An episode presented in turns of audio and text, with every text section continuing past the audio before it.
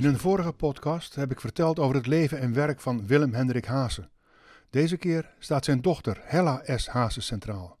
Deze grande dame van de Nederlandse literatuur werd op 2 februari 1918 in Nederlands-Indië geboren en stierf op 29 september 2011 op 93-jarige leeftijd. Een lang leven waarin zij prachtige boeken heeft geschreven. Medewerking aan deze podcast wordt verleend door Aleid Truijens, die in 2022 de biografie van Hella S. Haase schreef.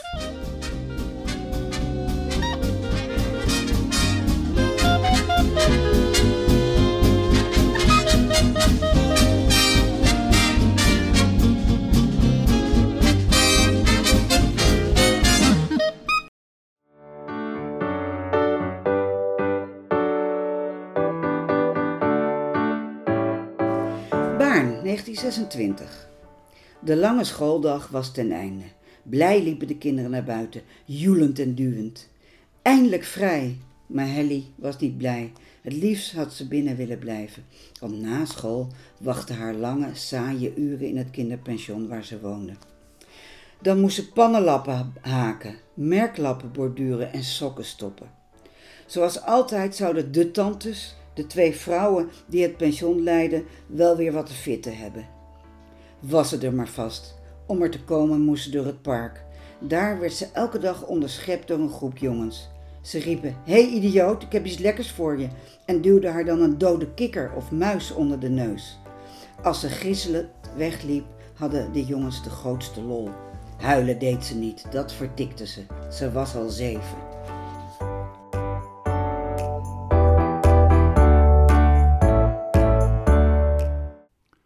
Aleid Truijens schreef in 2022 een vuistdikke biografie over Hella Haase. Leven in verbeelding. Zij begint haar boek met het verhaaltje dat ze net voorlas. Hella schreef het in 1926 toen zij in een kinderpension in Baren verbleef. Ze was nog geen tien jaar. Uit het verhaaltje blijkt wel dat ze het in Baren niet echt naar haar zin heeft gehad. Hoe is een meisje, geboren en getogen in Nederlands-Indië, eigenlijk in Baren terechtgekomen? Wel, dat zit zo. In 1924 werd Hella's moeder in Indië ernstig ziek en ze moest gaan kuren in het Zwitserse Davos. En vanwege zijn vele dienstreizen konden de kinderen Hella en Wim niet bij hun vader blijven wonen en ze werden daarom bij de wederzijdse grootouders in Nederland ondergebracht. Aanvankelijk verbleef Hella bij de ouders van haar moeder in Heemstede en woonde Wim bij hun grootouders Haase in Baren aan de Parklaan nummer 6. Het verblijf van Hella in Heemstede was geen succes. De grootouders daar waren stijve mensen die in een deftig en overvol ingericht huis woonden en geen kleine kinderen meer gewend waren. Laat staan een nogal vrij in Indië opgevoed meisje. Daarom verkaste Hella naar haar grootouders in Baren. Maar ook daar verbleef ze maar kort, waarschijnlijk om dezelfde reden. En zo kwam de jonge Hella in Baren in een kinderpension terecht. En ze schrijft, ik citeer, ik verhuisde naar B, de woonplaats van mijn andere grootouders. Daar zij geen twee kinderen in huis konden hebben, besloot men dat ik de jaren van mijn moeders afwezigheid zou doorbrengen in een kinderpension. Deze inrichting stond onder het beheer van drie dames: een moeder, een dochter en een vriendin van de dochter. Ze woonden in een wit gepleisterd villaatje, een uit een eindeloze rij soortgelijke huisjes, met ordentelijke voortuinen achter groene hekken. Einde citaat. Het kinderpension heette het Zonnehuisje en was gevestigd op de Ferdinand Huiklaan nummer 39. Nog steeds staan daar aan weerszijden van de straat rijen witte villa's, twee onder één kap. Hella voelde zich in die tijd erg verlaten en ongelukkig en deed baldadige dingen of vluchtte weg in sprookjes en eigen fantasieën. Op die manier zal haar schrijverschap zijn ontstaan. Ik citeer: Uit zelfbehoud spon ik de dromen uit die ik me van s'nachts herinneren kon en verzon verhalen. De verhaaltjes die ze verzon zijn bewaard gebleven en Aleid Truijens heeft ze allemaal gelezen. In haar biografie schrijft ze. In het archief van het Literatuurmuseum in Den Haag ligt een grote schat verborgen. Een doos met schoolschriften van Helly, zoals ze genoemd werd, Hazen. Op de etiketten staat spelling, of cijferen, maar, maar na enkele bladzijden met schoolopgaven zijn de schriften volgeschreven met verhaaltjes, gedichten, ontboezemingen en hartekreten. De vroegste teksten van het meisje dat later de schrijfster Hella S. Hazen zou worden, dateren uit 1925, 1926 en 1927, toen ze in het Baarnse kinderpension woonde, in 1928 trouwens ook nog, in de jaren dat haar moeder in een sanatorium in Davos verbleef. De verhaaltjes gaan bijna allemaal over Helly's verschrikkelijke tijd daar, bij de gehate pensioenhoudsters, de tantes. Haze zelf beschouwde deze jaren van haar leven als een cruciale episode, een dieptepunt, een césuur, een scharnierpunt. In al haar autobiografische boeken, met name in zelfportret als legkaart en zwanenschieten, en in vrijwel alle interviews die ze gaf, vertelde ze over deze tijd. Losgescheurd te zijn van haar ouders, zonder te weten waarom, achtergelaten in een wildvreemde omgeving de volslagen liefdeloosheid in het kinderpension, de pestende leeftijdgenoten op school en het schuldgevoel. want waarom hadden haar ouders haar weggedaan? Het woord trauma vond ze zelf wel op zijn plaats. De zondagen bracht Hella door bij haar grootouders Hazen op de Parkstraat nummer 6. Ik citeer: Na het ontbijt ging ik op weg over het voetpad langs de tuinhekken tegen de heuvel op. Ik kende alle huizen, heggen en bomen. Mijn grootouders woonden in een stille zijstraat in de kom van het dorp in een standaardtype buitenhuis uit de tachtige jaren. Een vierkante stenen doos met de voordeur precies in het midden, symmetrische rijen ramen en een aangebouwde serre. Op het half cirkelvormige grasveld stond een traditionele kabouter met een kruiwagen vol begonia's. Citaat. Dat men toen vanuit een grote stad naar een villa in Baren verhuisde na gepensioneerd te zijn kwam veel voor omdat men de vieze stadslucht en het verkeerslawaai graag verruilde voor gezonde lucht en rust. Dat zo'n dure villa echter bewoond werd door een gepensioneerde onderwijzer is tamelijk ongewoon. Maar Hella schrijft dat er een geestelijk gestoorde dame met haar verpleegster bij haar grootouders inwoonde, wat dus extra inkomen opleverde. En aan de andere kant gaat er het verhaal dat de oma van Hella, dus de moeder van haar vader, een bastaardkind was van een hooggeboren persoon. Haar grootmoeder zou daarom levenslange zekere bescherming hebben genoten. Dat verklaart misschien waarom het de familie Haase altijd voor de wind is gegaan. Helle Haase schrijft: Ze konden zich in Baren een flinke villa permitteren, wat waarschijnlijk ook toen ongewoon was voor een gepensioneerde onderwijzer die mijn opa is geweest. Tante Nel zou aan een rijke echtgenoot zijn gekoppeld en mijn vader zou geholpen zijn toen hij als 21-jarige solliciteerde bij het Nederlands-Indisch gouvernement. Hij was niet academisch gevormd, maar maakte wel flink carrière. Hij klom op van regionaal hoofd financiën tot inspecteur-generaal van het departement van Financiën en Taxatie voor heel Nederlands-Indië. Mijn vader en zijn zuster Tante Nel deden beleidenis in de chique Waalse kerk, iets wat voorbehouden was aan kinderen uit de elite. En na zijn pensionering werden hij en mijn moeder huisbewaarders en oppassers van een adellijke dame uit de omgeving van de koningin. Het zou om Willem III kunnen gaan, die koning was van 1849 tot 1890. En dat zou ook verklaren waarom Wilhelmina en oma Cor op elkaar leken. Einde citaat. Aleid Truijens weet niet of het verhaal waar is. Ze heeft het verder niet uitgeplozen, maar de dochters van Hella Haase trekken het verhaal wel in twijfel onzin. Mama was altijd, dat zou ik ook antwoorden. Mama was altijd fabuleren en liefst over een beetje, eh, of juist een hele zielige arme achtergrond, eh, of juist een hele glorieus. Het moest iets van een verhaal zijn. Dus zij is er altijd in meegegaan. En uh, nou ja, eh, het was ook wel haar, haar oma Cor. Zou dan dus een, een hele bijzondere vrouw dat is die vrouw die zo geïnteresseerd was in theosofie en, en uh, allerlei esoterie. Waar Hella van griezelde, hè, die vond het allemaal helemaal niks. Maar die kon wel goed met haar opschieten, vond het een hele lieve oma. Maar ja, hij zou elke keer voor zijn verjaardag van een geheim, geheime weldoener een enorm cadeau krijgen. En, en, en servetringen met inscriptie en weet ik wat. Ik heb het niet na kunnen trekken.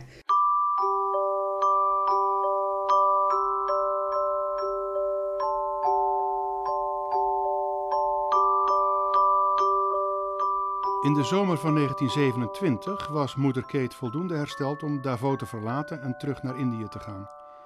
Ze haalde de kinderen op uit uh, Nederland en in hetzelfde jaar was het gezin weer herenigd in Indië. Vanaf februari 1929 gingen Hella en Wim weer naar school. In Bandung gingen ze naar de Van Kapellenschool. In 1931 deed Hella toelatingsexamen voor het Batavia's Lyceum. Die behoorde tot de scholen van de Carpentier Alting Stichting. Ze herinnert zich, ik citeer... Dit lyceum is een lelijk oud-Indisch huis met daarachter een modern zalencomplex dat pas een paar jaar geleden is aangebouwd. Het enige klassieke aan de school zijn de naam en de witte zuilen in de galerij. Er is een geweldige tuin bij, bestaande uit een kaal, platgetrapt grasveld om korfbal of handbal op te spelen. Een harde, niet geasfalteerde oprijlaan, die in de regentijd één modderpoel is, en een paar hoge waringen en andere schaduwbomen. Ze heeft het er naar de zin. Dat weten we omdat ze in de eerste jaren op het Batavia's Lyceum een dagboek bijhield. Het beslaat 152 dicht beschreven pagina's. Zo weten we wat ze in 1931 en 1932, toen ze in de tweede en derde klas van het gymnasium zat, allemaal deed, hoe het er op school aan toe ging, wie haar vriendjes en vriendinnetjes waren en waar ze zich zoal zorgen over maakt. Van april tot november 1935 ging het gezin op groot verlof naar Nederland. En weer gaan ze naar het saaie baren. En weer naar een andere school. Het verlof duurde niet lang, zeven maanden maar, maar het viel Hella zwaar en lang als 17-jarige. Ze gingen inwonen bij oma Cor aan de Parklaan, waar een jaar eerder hun opa was overleden. Hella en Wim bezochten het Baars Lyceum. Hella heeft er niet over geschreven, haar broer wel. Hij vond het er quite pleasant. De zeven maanden op het Baars Lyceum werden onderbroken door een lange zomervakantie waarin het gezin uitstapjes maakte. Onder meer naar landgoederen en kastelen, want die had je niet in Indië. Na de zomer bleven Hella en Wim zitten. Hella in de vierde klas en Willem in de eerste. Misschien wel een geluk, want als de schoolprestaties beter waren geweest, dan zouden ze misschien wel in Baren zijn gebleven om hun middelbare school af te maken. En waren hun ouders alleen teruggegaan naar Indië. Nu ging het hele gezin weer op de boot en eind november 1935 waren ze terug in Batavia, waar Hella weer naar het gymnasium ging. En daar deed ze in 1938 eindexamen. En vervolgens vertrok ze naar Nederland. Haar ouders vonden dat ze daar maar Nederlands moest gaan studeren. Uiteindelijk koos ze voor Scandinavische letteren. In 1939 leerde ze Jan van Lelyveld kennen die in Amsterdam geschiedenis, archeologie en later rechten studeerde. Hij vroeg haar voor de redactie van het studentenblad Propria Cures, waarvan hij in de redactie zat. In 1941 hield Hella haar studie voor gezien en werd ze leerling aan de Amsterdamse toneelschool, waar ze in 1943 eindexamen deed. Ze kon toen aan het toneel gaan werken, bij het Centraal Toneel, opgericht door Kees Lasseur. Daar werkte ze samen met Co van Dijk, Marie Dresselhuis, Gijsbert Tersteeg en Johan Remmels. Een vaste baan en een vast inkomen. Ook schreef ze teksten voor verschillende cabaretgezelschappen, onder meer van Wim Sonneveld en Cor Ruys. Hier hoort u Fien de Lamar in een opname uit 1959. Het heet Circusvrouwen en is een berijmde monoloog geschreven door Helle Haase en op muziek gezet door Cor Lemaire. In het circus bij de uitgang der piste, waar het bordje hangt voor de artiesten, staan iedere avond drie vrouwen te praten. Drie vrouwen, getrouwd met de luchtacrobaten. Hun man zien ze door de gordijnen de nok van de tent in verdwijnen. Die zweeft nu daarboven aan rekken en touwen. Beneden, daar kijken en wachten de vrouwen. Begint. De jongens klimmen vlug naar boven. Laat Mickey nou dat vuile spotlight over. Dat lijkt zo af dat niemand aan hem denkt. Gelukkig, Harry heeft hem al gemengd. Goed werk aan de trapeze. Maar de zwaai van de mortalen kon Steven nog een tikkie ruimer halen. Mooie sprong van Joe. Ha, het vorig jaar in mei was ik er zelf nog elke avond bij. Oh, oh, dat gevoel wanneer je als een kogel je salto maakt. Of zweef springt als een vogel. Ja, maar ook een kind hebben ik van de baan. Ja, mijn body heeft voor dat werk afgedaan. De dode sprong, nou zal het komen. Nou niet nerveus zijn hoor, je tijd genomen. In de ochtend van 18 februari 1944 trok een kleine, schamelgeklede stoet mensen te voet door een gure sneeuwstorm naar het Eindhovense gemeentehuis dat vanwege de oorlog tijdelijk in het Van Abbe Museum was gevestigd. Daar trouwden Hella en Jan. Hella schreef erover aan haar ouders. Ik citeer: In een zaal met vreemde schilderijen had de plechtigheid plaats. De ambtenaar had een spraakgebrek. Bovendien was het niet tot hem doorgedrongen dat mijn ouders niet aanwezig waren. En hij sprak jullie voortdurend toe en was dan heel verbaasd als er niemand antwoordde of reageerde. Einde citaat. Waarom Eindhoven? Jan moest onderduiken omdat hij te werk werd gesteld in Duitsland. Maar hij vond een onderduikbaan bij de Philipsfabrieken in Eindhoven met onderduikwoning. Hella volgde en ze trouwden. Geen van beiden hielden het in Eindhoven uit, dus gingen ze weer terug naar Amsterdam. De herfst en winter van 1944 en 1945 waren een nachtmerrie. Hella begrijpt achteraf niet hoe ze het hebben volgehouden. In die hongerwinter werd op 11 november 1944 ook nog een kindje geboren, Chrisje. Ik citeer: Als ik nog denk hoe wij met het pasgeboren Chrisje op een koude achterkamer zaten, zonder gas, zonder licht, met zo'n drie weken brandstof en geen ander eten dan ons luxe rantsoen van 1 kilo aardappelen en een half brood in de week. Dat hadden jullie moeten zien. Onze lamp was een zoutvaatje met afsminkvet waarin een zelfgemaakte pit brandde. Een waar kunststuk. Je kon net de punt van je eigen neus zien. We kookten op een zogenaamde noodkachel, een minuscuul comfortje waarin vodden en afval verbrand konden worden. Hierop stond ik zesmaal daags babyvoedsel klaar te maken. Gelukkig was het te donker om de bacillen te kunnen tellen. Ik sliep op een doorgezakt bed, Jan op een matras op de vloer. Door de hele kamer hingen guirlandes van luiers. En als je met een vinger langs de muur streek, was die zwart. Gelukkig heb ik Chrisje elke dag kunnen baden. Einde citaat. De relatie met Jan is van meet af problematisch geweest. Aleid Truijens vertelt. Kijk, zij, zij, uh, heeft, voordat ze haar man Jan van Lelyveld tegenkwam, had ze een verloofde, uh, Douwe Ratsma. Een, uh, een jongen met wie ze op school, ehm, de, de, de de Carpentier Alting, Alting Stichting, op, op het gymnasium van de KAS in Batavia zat ze met Douwe. Ze zaten samen in de toneelclub, de literaire club.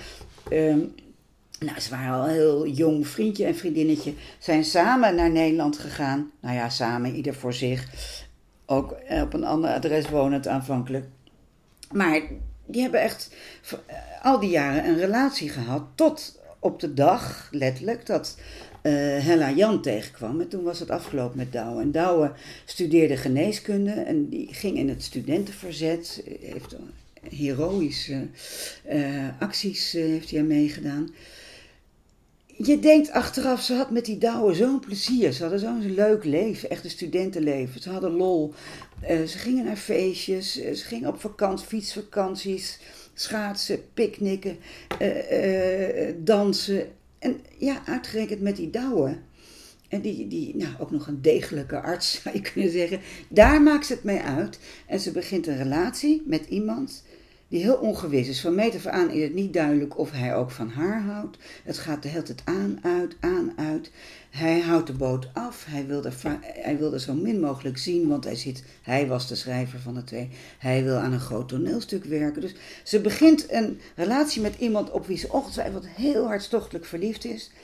Maar het gaat van de dag één uh, af aan moeizaam ja, hoe kun je dat verbinden met die jeugd? Het is toch een soort onmogelijkheid om die om, om, die, om een goede connectie te maken. En misschien wel een angst voor een te vanzelfsprekende. En die, die relatie met Douwe, die lijkt gewoon aan alle kanten heel eh, zonnig en vanzelfsprekend. Ja, dat kon dus kennelijk niet. Het moest moeilijk zijn.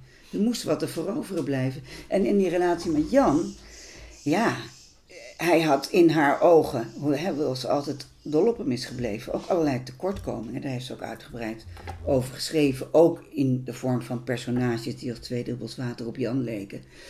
Maar er viel altijd wat te vertimmeren aan deze man. En dat, uh, dat is ook haar thematiek steeds geworden. Van hoe moeilijk het huwelijk is. En dat er altijd, maar ja, als je heel goed je best doet, kom je steeds een treetje verder. En dat is heel goed, er groeien van geestelijke. Nou, zo. Na de oorlog kwamen haar ouders en haar broer terug naar Nederland. Zij gingen in het saaie Baren wonen, aan de Nassolaan nummer 42.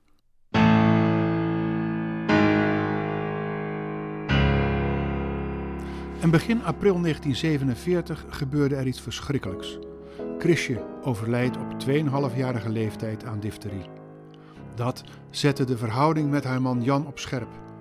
Terwijl ze nog in het ziekenhuis ligt, schrijft ze Jan een bittere brief, vol verwijt en zelfverwijt. Ze analyseert in die brief ook wat er was misgegaan in hun nog maar drie jaar oude huwelijk. Ik citeer uit een brief die Hella aan Jan schreef en die Aleid Truijens in haar biografie heeft afgedrukt. Het was niet goed tussen ons, vlak voor Chrisje van ons wegging. Je weet zelf wel dat het dikwijls heel verkeerd was. Het tegendeel van wat een huwelijk zijn moet. Het zal wel aan ons beiden evenveel gelegen hebben. Ik ben wel in veel tekort geschoten omdat ik altijd andere dingen aan mijn hoofd heb. De enige verklaring die ik daarvoor kan geven is dat ik thuis meestal iets miste, zodat ik me maar ging verdiepen in werk en zulke dingen. Einde citaat.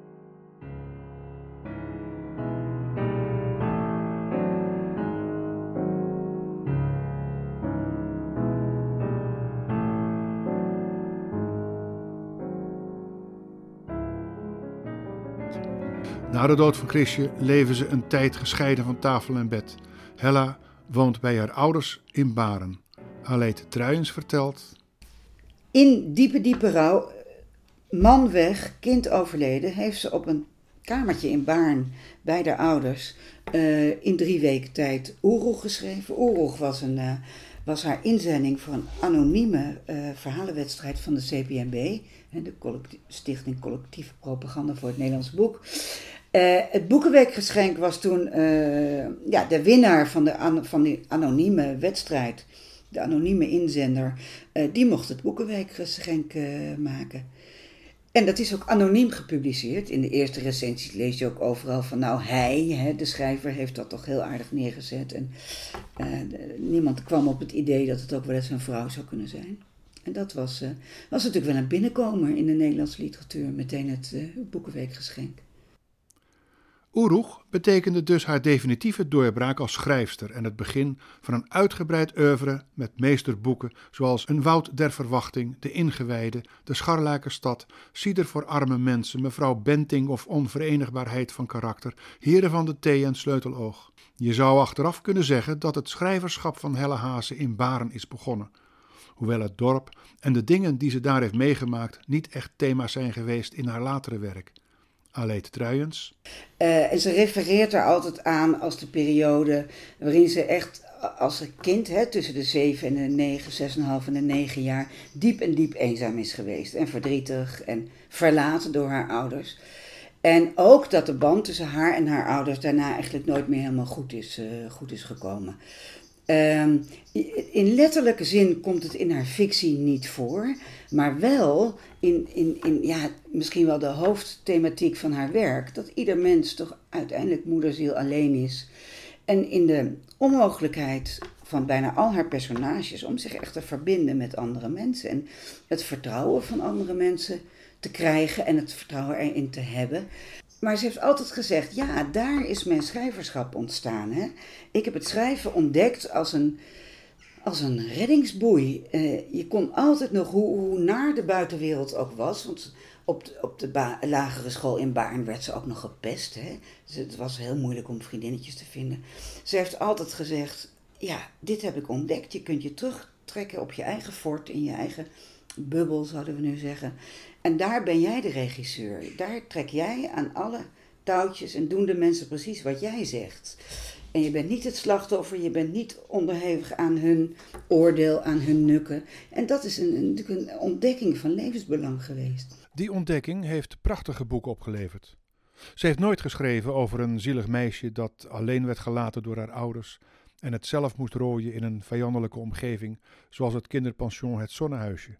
Dat zegt ook Aleid Truijens. In, in, letterlijke zin een kind in een, in een kinderpension? Nee, maar wel uh, uh, dichters in gevangenschap. Charles d'Orléans in het Woud der Verwachting. Uh, Claudius Claudianus in een Nieuwer Testament. Eh, mensen in, in afzondering en gevangenschap, vooral in haar historische romans.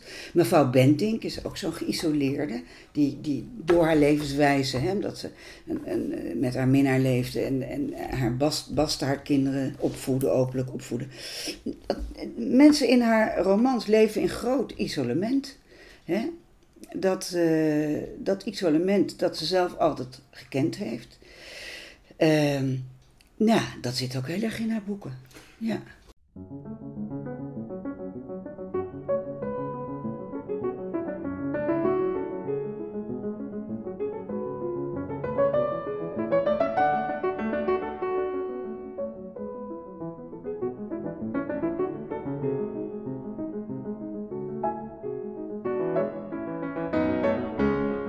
Op 29 september 2011 overleed Helle Haase op 93-jarige leeftijd. Ze liet een groot, veelzijdig en indrukwekkend literair oeuvre na van maar liefst 54 titels. In de loop van haar leven groeide ze in haar publieke rol van wijze, vriendelijke en evenwichtige beschouwer. Ze probeerde het conventionele leven te leiden dat van haar als dochter, moeder en echtgenote werd verwacht, terwijl ze haar toevlucht zocht in haar verbeelding. Alleen daar voelde ze zich thuis.